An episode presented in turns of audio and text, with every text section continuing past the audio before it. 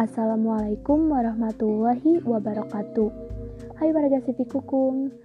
Kembali lagi bersama Suci Mulyati dengan NIM 1902056 dalam acara PIPS Penyimak.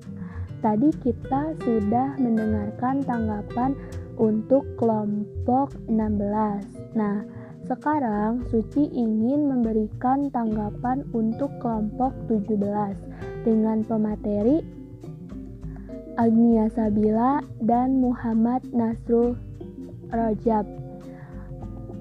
Sebelum ke tanggapan, Suci ingin mengucapkan terima kasih kepada kedua pemateri yang menyampaikan ilmu beserta wawasannya kepada kita semua. Semoga ilmu dan wawasannya bisa kita terapkan untuk masa depan.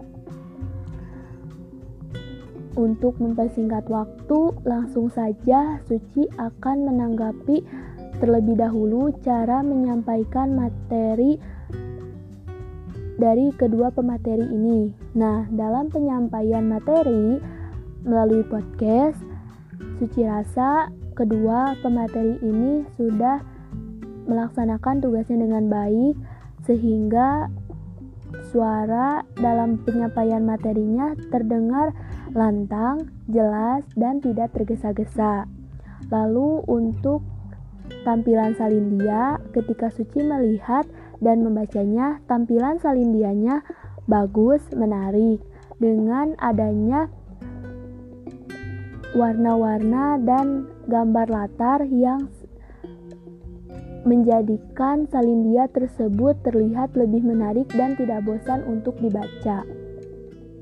Lalu dalam makalah, Suci melihat bahwa susunan makalah sudah tersusun dengan rapi dan sesuai dengan sistematika yang diberikan oleh dosen pengampu.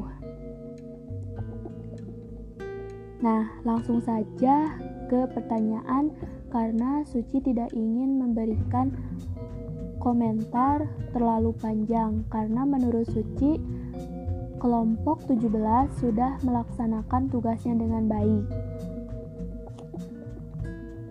Untuk pertanyaannya, Suci tujukan kepada saudari Agnia Sabila.